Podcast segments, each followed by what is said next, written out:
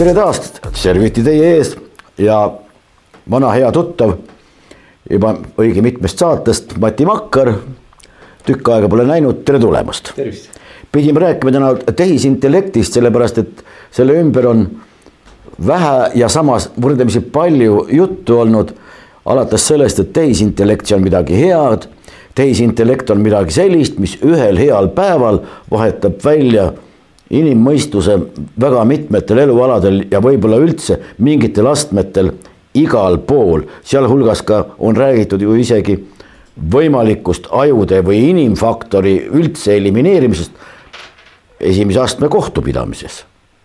noh, see on jah tavaline, et kunagi, kunagi tuldi välja, et esimese astme võib üldse anda nagu advokaatide mingisuguse kolleegiumi kätte, et seda menetlusökonoomiat siis tekitada, aga, aga nüüd on jälle seesama aktuaalne, et esimese astme kohtupidamise võib anda siis nagu tehisintellekti kätte, et äh, räägitakse, et mingeid algoritme juba, et need on juba välja töötatud juba mingid algoritmid, aga noh, kuidas need siis tööle hakkavad, seda ma ei tea.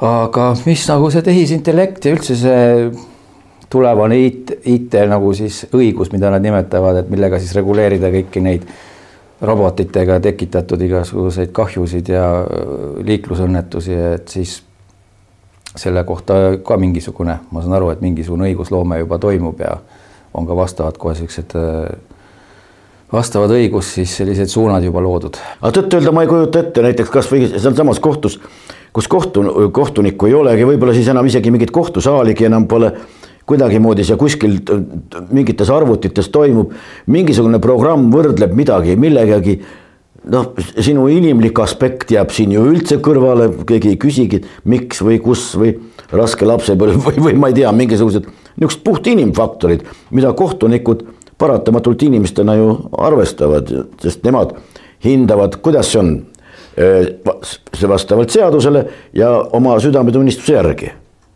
Noh, vot. masinal südametunnistust pole ju. no räägime siis niimoodi, et kui, kui on nõudlus tähendab, on mingisugune raha teenimise huvi, võimalus raha teenida, tähendab nende elektrooniliste igasuguste asjadega seda saab. siis tekib ka siis selline ettevõtlus, siis on seda vaja, eks ole. loomulikult üks asi on ka siis äh, selline riigi, riigi tasemel siis selline, selliste asjade äh, siis äh, hanke korras nendele müümine ja siis selle jälle eelarvevahendite kokkuhoidmine ja nii edasi, aga kui, kui on ikkagi mingisugune kasum, siis, siis tuleb ka näiteks õigus järgi ja esimene, ma mäletan, esimene suur asi, mis nagu eriti suurt sellist retoorikat põhjustas, oligi see Maarju Rosenthal äh, kunagine mingi mm, artikkel vist juriidikas, mingi üle kolmesaja või ligi kolmsada lehekülge, see E tempora ja mores kus ta siis alguses niimoodi, alguses niimoodi pika sissejuhatuse jõuab kuskil saja neljakümne viiendale leheküljele jõuab selleni, et äh, tulevane siis see kvantarvuti ongi ilma siis äh, klaviatuurita, et inimestel ongi paigutatud pähe mingisugune kiip ja selle arvutiga suhtlemine käib siis läbi selle nagu mõtte, et enam ei peagi nagu klahve vajutama, et nagu arvuti saab aru, mida sa mõtled ja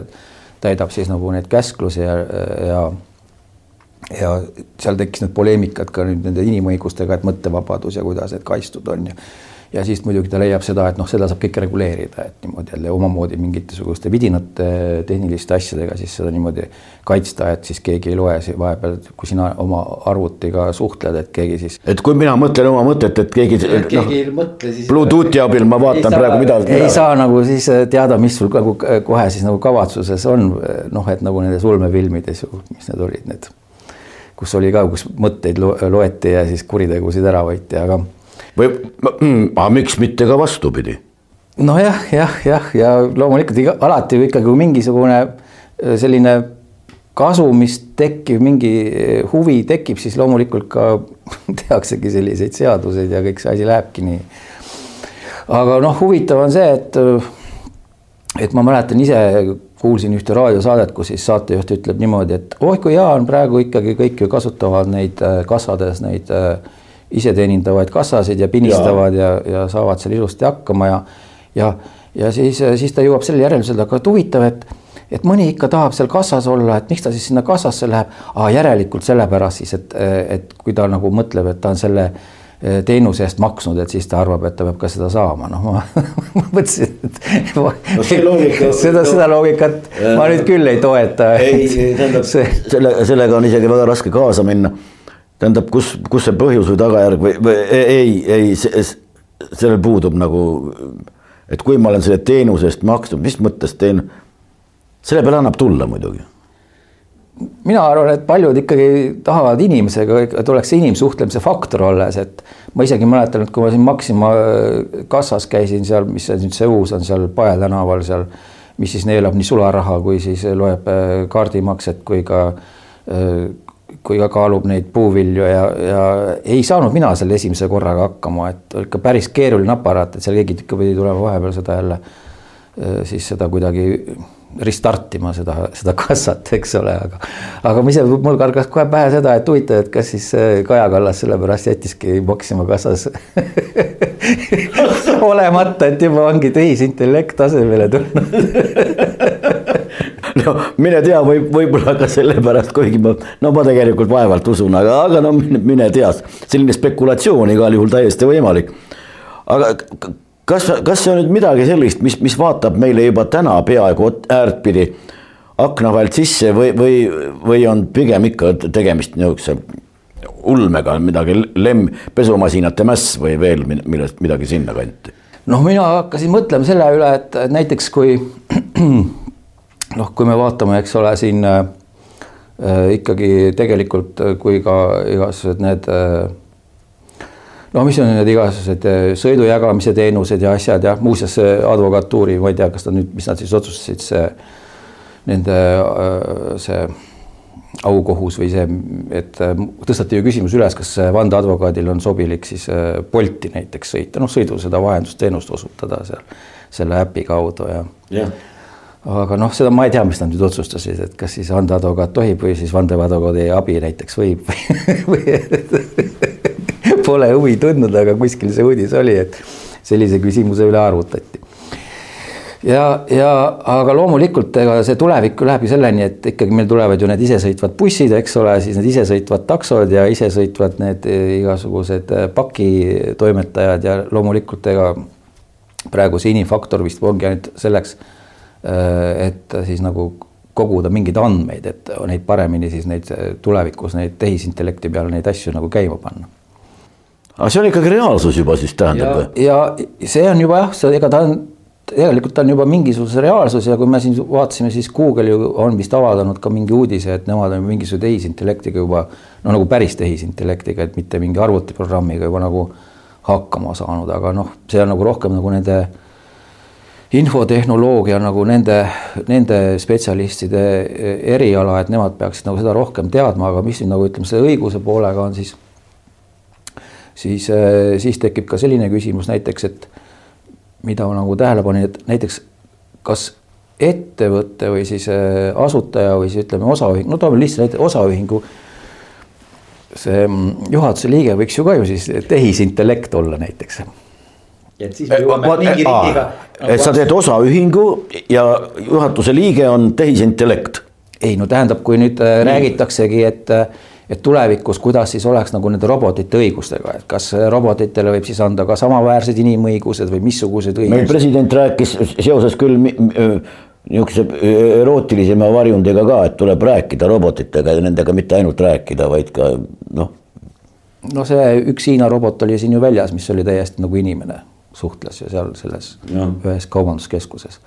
aga, aga see see, see on täiesti reaalne, sellepärast et ma mäletan, ühel inimõiguste kongressil oli see täiesti see üks inimõiguste kohtunik, ma nime ei nimeta praegu, kes väitis kohe selgelt, et tulevikus me peame hakkama tegelema ka selle õigusloomega, et milliseid õigusi me robotitele anname, et kui see tehisintellekt nüüd reaalseks muutub, siis nendele tahetakse ka mingisugused põhiõigused anda ja siis ma mõtlesingi, et noh, et siis tulevikus on ju ka võimalik ju siis, et ka ettevõtte juhatuse liige on näiteks tehisintellekt no nii. no kui siis... kohtunik võib olla tehisintellekt, millest räägitakse iga päev juba. esimeses astmes, siis, siis miks mitte näiteks ettevõtte juhatuse liige. Võiks ju ka olla no, ja siis ja nüüd jõuame sinna, et kui iga, iga kord kuskil visatakse näiteks ette nendele, kes on mingisuguseid liigseid riske võtnud, et nende finantskäitumine ja miks nende finantskäitumine ja peab ikkagi koolis juba finantskäitumist õpetama ja niimoodi.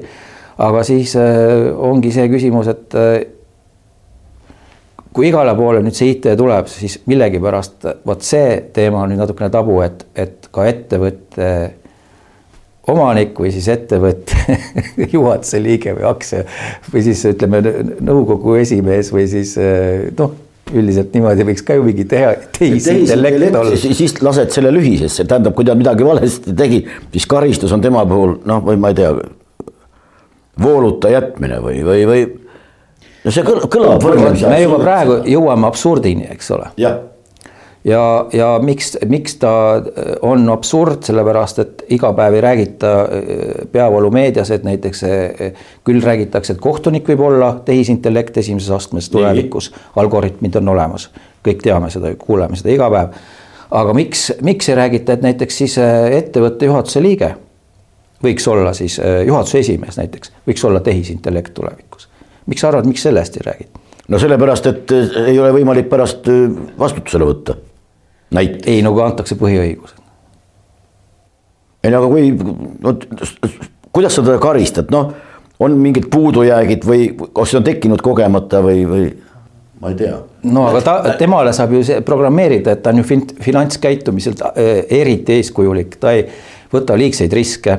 aa, no siis kogu pangandus langeb kokku ju. no vot selles küsimus ongi, et äh, siis me tegelikult äh, jõuamegi sinna, et, et, et pangal ei ole ju vaja sellist äh, finantsinstrumenti, kes käituks ju finantskuulekalt äh, sest kujutame ette, kui ei ole sellist. ta jagaks kõik ära, mida sinuga kavatsetakse teha, kui palju sul, sulle laenatakse ja kui palju sa tagasi annad ja kõik niisugused. no kui ta liigseid riske ei võta, eks ole, kui tal ei ole seda inimlikku efekti haarata viimasest õlekõrrest, siis ju, siis ju tekiks niimoodi ju, saame ise reaalselt aru, loogiline mõtlemine on, et pool pangandust juba kukub kokku ju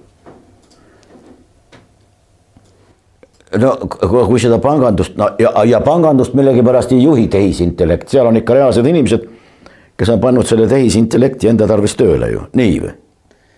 no seal võib ka olla ju tehisintellekt.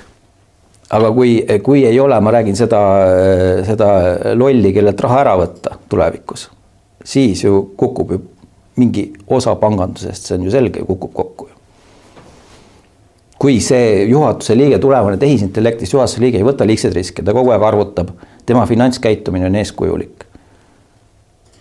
siis ei saa ju seitset nahka nõnda öelda ju koorida ju, ei ole võimalik, siis järelikult kuskil tekib ju mingi puudujääk, mingisugune, mingisugune krediidi, krediidiasutus, kes praegu ütleme, saab oma kasumit sellest, et, et seal taga on inimfaktor no see viimase õlekõrre haaramine, et, et ta ikka ju loodab viimaseni päästa oma mingit ettevõtet, asjad ja võtab ikka laenu sealt juurde, sealt juurde, et ikka nagu ta on see, et ehk kuidagi veab välja, eks ole. nojah no, kas, kasvõi tasub, kasvõi tasub ära öö, oma, kas mingid kommunaalmaksed selles hirmus, et muidu keeratakse vesi kinni või, või, või midagi või, või nii või? ei, ma räägin nüüd et, ettevõtte juhtimisest, et ah,, et ta ikkagi ju teeb kõik ju selleks et äh, oma ettevõtet päästa. noh, kas või vaatame meie see kalatööstuse, et ikkagi see juhatus ikkagi tegi kõik, et oma ettevõtet ju päästa, et mitte lasta ju siis ikkagi. no tehisintellekt laseks selle kõige, kõige kaduva teed, sellepärast et tal mingisuguseid inimlikke tundeid ei ole ei nende töötajate vastu ja ei, ei ka selle ettevõtte vastu selles mõttes, et mingit nostalgiat tal ei ole no inimene ikka mõtleb no,. tehisintellekt teeb või... mingisuguse matemaatilise arvutuse ja ta ei võta mingeid liigseid riske ja jätab mingid laenud võtmata ja mingisugused pangal jäävad jälle teatud intressid ja mingisugused asjad äh,, äh, hüved ju selle läbi jälle saamata. no nii, juhatuse liikmest eriti ei räägita tehisintellekt, kus me selle tehisintellekti veel paneme? sellepärast, et mulle tundub, et, et see ja mis need inimesed siis hakkavad käima kõik nagu enam-vähem kiibistatud, meil oli juba mingisuguses ettevõttes. me ei saa üldsegi aru, mis te, nagu sellest tulevikku, selle siis ütleme, meil on nagu natukene praegu niisugune filosoofiline teema ka, eks ole. Et, et kuidas siis nagu see tulevikus nagu, mis see, kui kõik läheb, ütleme nagu selle IT ja selle tehisintellekti kanda, eks ole, igasuguse teenuste osutamine, igasuguse kasvõi õigusmõistmine, eks ole. ma ei saa aru üldsegi, mis nagu inimese roll tulevikus on, et noh, see on ka selline päris, päris selline hea küsimus. aga kas me peame selle hullusega siis kaasa minema või?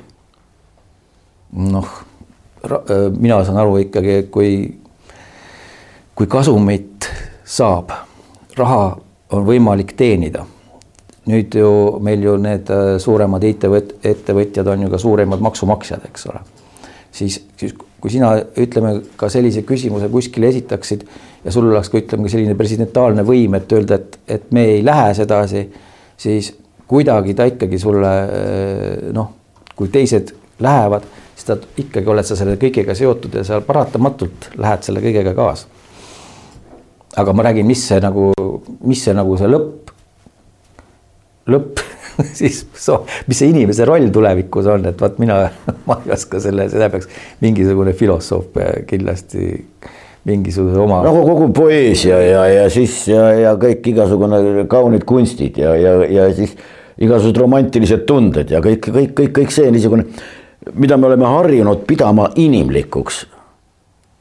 siis see ühel hetkel no mittegi, vot nüüd oli küll ilmselt üks väike viga, aps, mitte ühel hetkel, vaid aegamisi ja samas üsna ruttu.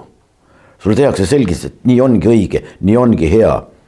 ja, ja mul tuleb meelde üsna selline õõvastav praktika mingisuguses firmas, isegi siin Eestis räägiti kui eesrindlikku kogemust et kellelgi on juba kiibid naha all, on võimalik maksta kassas ja rääkimata sellest, et sa saad oma kontori uksest sisse, lihtsalt vibutad käega ja kuna sul on see kiip naha all, siis on kõik väga hästi. no kus see inimene siis? no siis võib-olla inimene on siis ka tulevikus võib-olla ütleme kasvõi selle Maarjo Rosenthal selle Edempore Moorese järgi, kui ta on niimoodi kiibistatud ja aparaat loeb ta mõtteid ja ta ei pea enam äh, klahve vajutama. siis võib-olla ka mingisugune äh, muutub selle mingisuguse tehisintellekti mingisuguseks osaks. see on nüüd võrdlemisi niisugune pessimistlik stsenaarium, tähendab praegu tundub pessimistlik. mõne jaoks, ratsionalisti jaoks võib-olla on üliratsionaalne, ülikihvt ja, ja, ja üli, üli, ülitore, üli cool, ütleme siis niimoodi. aga umbes kümme aastat tagasi või isegi natukene rohkem juba oma ühe päris hea tuttavaga räägid, rääkides, kes on servapidi ulatab sinna maailma esirikaste suguvõsasse. jutt on siis Rothschildidest. ja, ja mingisugusel suguvõsa kokkutulekul, ta on niisugune perekonnast eemale tõrjutud natukene, sellepärast ta läks BBC-sse tööle. siis vahepeal oli pooleldi nagu hipi ja, ja oma perekond ei tahtnud tast eriti midagi kuulda ehkki mingitel kokkutulekutel käib ja siis ta oli küsinud ka selle vanaonu käest, et noh, et kuule, et kõik on nagu olemas, mida sa veel tahad. et olid surmtõsise näoga öelnud. kuidas, mida? kiip naha alla ja kõik, samm vasakule, maha, samm paremale, maha, otse, õiget teed, kõik on õige, kiip naha alla. ja tol ajal me kõik naersime selle peale. ja täna me räägime siin seda juttu enam sugugi mitte eriti naeruvuse näoga. pigem veidi isegi võib-olla murelikuna ja mingisuguses lootuses, et see meid äkki kõiki ei puuduta veel. ei noh, praegu, praegu me loeme seda juba retsenseeritud äh, nendest teadusajakirjadest ju. ja, ja ka sellisest äh, õigusalasest retsenseeritud siis väljaannetes, sellest, kuidas see kõik juba ongi legaalne see, see, see on võtnud ka juba selle mõõtme, et ka inimõigus, kui mõned mõtlesid, et oi, et, et viimane selline päästevõimalus, et mingisuguseid inimlikke väärtusi nagu kaitsta selle asja eest on, et kuskil inimõiguste kohtus, siis ma olen ise näinud inimõiguste kohtunikke, kes seda kõike heaks kiidavad. et see on hea, see on tore. konverentsil neid küsimusi tõstatati ja nad leidsid, et see kõik ongi ongi see, see põhiõigustega kõik kooskõlas, aga me peame selle, kuidas me ütleme, me peame seda, selle õiguse niimoodi noh, konkretiseerima, et. oot, ma nüüd ei saa aru, kuidasmoodi see minu põhiõigustega kooskõlas on, mul on minu põhiõiguste järgi, mul on muuseas vist ka on usuvabadus, see tähendab, et ma võin uskuda, mida ma õigeks pean ja mul on mingisugune sõnavabadus ja no hea küll, sõnavabadus kodeeritakse minusse mingisugune mingi uus sõnum või, või ma ei tea kuidagimoodi. kuidas sellega saab? no meil, ma saan aru, mida sa praegu silmas pead, näiteks ma, paljudel ei ole ka näiteks võetud isegi seda mm, ID-kaarti, et neil on ikkagi pass, eks ole, on ju. aga, aga, aga nende teenuste osutamisel paljud ei saa näiteks neid teenuseid kätte, mida saab see isik, kellel on see noh, see praegu see ID-kaardikene, eks ole. Ja sellega, sellega oled sa teatud mõttes siis niimoodi. priviligeeritud ju.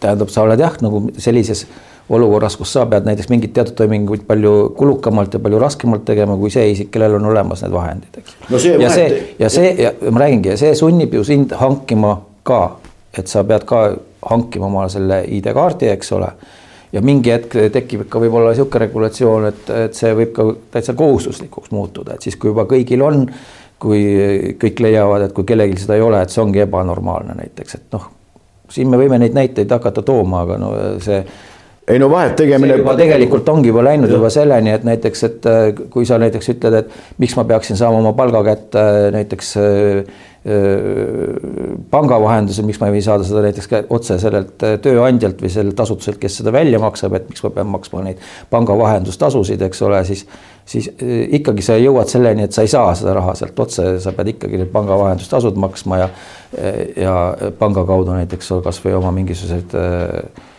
siis rahalisi hüvesid kätte saama. Pank on siin kehtestanud veel lisaks oma mingi noh, ehkki maksustamise õigust omab Eestis ainult Riigikogu kehtestada mingisuguseid maksusid. aga meil on ka pank kehtestanud oma maksud ja selle kohta ei oska, ei ütle keegi mitte midagi. no aga, aga mine proovi Mingi. hakata vaidlema näiteks äh, kas siis mingisuguse tööandjaga, et, et tema peab hakkama sulle eraldi äh, kassapidajat, äh, aga kui see tööandja ongi näiteks juba ongi mingisugune juba arvutiprogramm näiteks ja ju ei ole ka see kaugel, kui raha ju tahetakse ka ju, üks eelmine president ju ütles, et ongi hea, kui sularaha ei ole, mäletan vist.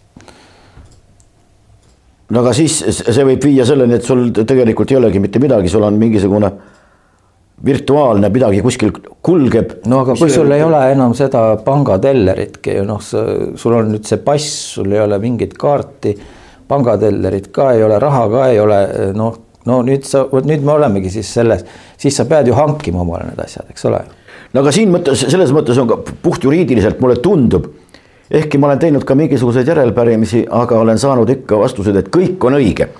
näiteks kasvõi need inimesed, kellel ei ole juurdepääsu internetile ja, ja ärge palun hakake ainult rääkima, et kõigil on seda juurde. internetile paljudel ei ole elektrile juurdepääsu. jah, ja, ja, ja, ja, ja, ja ei ole pääsu ja kui ja need inimesed näiteks, kes tahaksid ka sõita Muhumaale või, või Saaremaale või Hiiumaale suvel, siis nende jaoks ei, neid, tal ei ole võimalik ette tellida endale mingisuguseid pileteid kuskilt, mingisuguseid e-pileteid.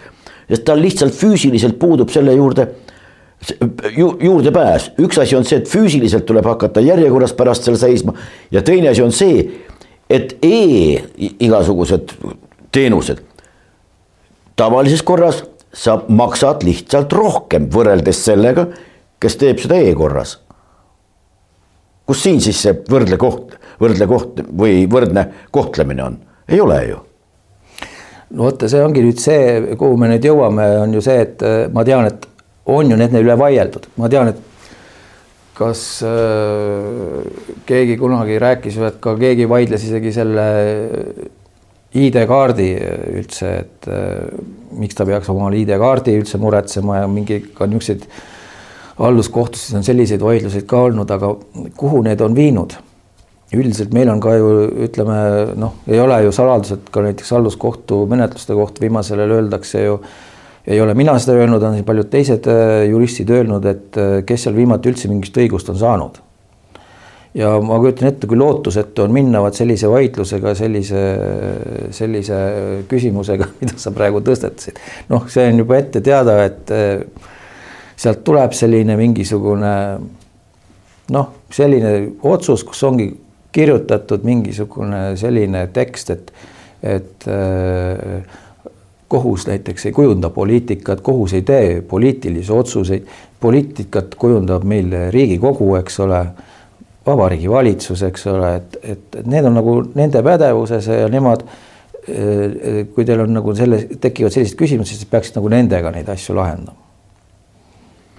No aga samas öeldakse, et, et võta oma, tee, tee sellest pilt ja saada meile ära või midagi taolist ka, identifitseeri ja siis autendi ja, ja tee veel midagi. aga on inimesi, noh, kust, kust ta võtab selle, kust ta, millega ta selle pildi teeb? eeldatakse, et noh, see on ju loomulik, et sul on selline telefon olemas. aga kui tal ei ole sellist telefoni, siis ta ei saa seda teha ju. aga seda võetakse otse kui loomulikust pärast, ametnik ütleb, tee pilt. aga kust ma seda teen? pane, sea ennast järjekorda, kas arstide juurde või kuskile mujale e-järjekorrad. vabandage, mul ei ole seda juurdepääsu. Te räägite kõik siin kunstiintellektist, et kohtunik hakkab mõistma ja kõik. vabandage, mul ei ole juurdepääsu no, elementaarsetele asjadele. no kuidas need asjad kokku käivad? no ma räägingi, et äh, äh absurdina on ta meil juba teatud mõttes juba läinudki. ja näiteks seesama ID-kaardiga äh, äh, näide, et sul ei ole neid kõiki neid teenuseid võimalik kasutada kui sellel isikul, kellel on see kaart, eks ole, siis sa oled nagu mingis sundseisus, et sa pead ka omale selle muretsema. vot niimoodi see asi nagu käibki, kui võetakse sularaha ära, siis, siis, siis oled sa täielikus sundseisus. kui ei ole pangatellerit, no mis sa teed selle paberpassiga? selle paberpassiga võid sa siis head juhul, kui veel on on selles lennujaamas on passikontroll, ei ole tehisintellekt või kui ta loeb ka siis seda paberpassi, mitte ainult mingit kiipkaarti siis võib-olla on võimalus sõita sinna Siberisse selle mingisuguse kogukonda, kus, kes on kõik ennast ära eraldanud igasugustest nendest tehnilistest vidinatest. et siis nagu seal oma inimlikku, inimväärtuslikku elu elada, et see on nagu üks võimalus, aga teist, teistmoodi. aga kas mingisugust niisugust keskteed ei ole, et tore, et, et no, no meil on olemas seltskond, kes ütleb ei tehnilisele progressile ja tahabki mängida veskikivi, siis progressi jala, kiire jala küljes ja tahab noh, ka kuskil kaasa lohiseda. no aga jätame siis neile selle õiguse, palun, no aga ärme siis kiusa neid, sellepärast et nad tahavad olla pisut teistsugused. aga see ei tule kõne allagi või? see, see on sul, ütleme, põhiõigustes on kogu aeg nagu öeldud, et sul on kõik need õigused olemas, eks ole, et sa nagu ei pea sul ei ole ju kohustust selle ID-kaardi kohustust, eks ole, on ju, aga samas oled sa ikkagi viiakse sind sellesse sund, sundseisu, et sa pead selle omale muretsema mingi hetk. ja, ja selle, selle, seda tekibki meil selline olukord, kus teatud, teatud põhiõigused muutuvadki tegelikult illusoorseteks. Nad ongi illusoorsed, aga keegi ei julge lihtsalt seda üteldagi, et mingi asi ongi juba nagu illusoorne, sellepärast et kõik sõltub rahast. kui äh, raha on võimalik teenida nende elektrooniliste vidinatega, siis, siis kõik selles eufoorias sellega kaasa lähevadki, rikastuvad ja need, kes äh, sellele vastu seisavad, need ongi siis need noh, võib ka sellist väljendit kasutada kui kontrrevolutsionäärid.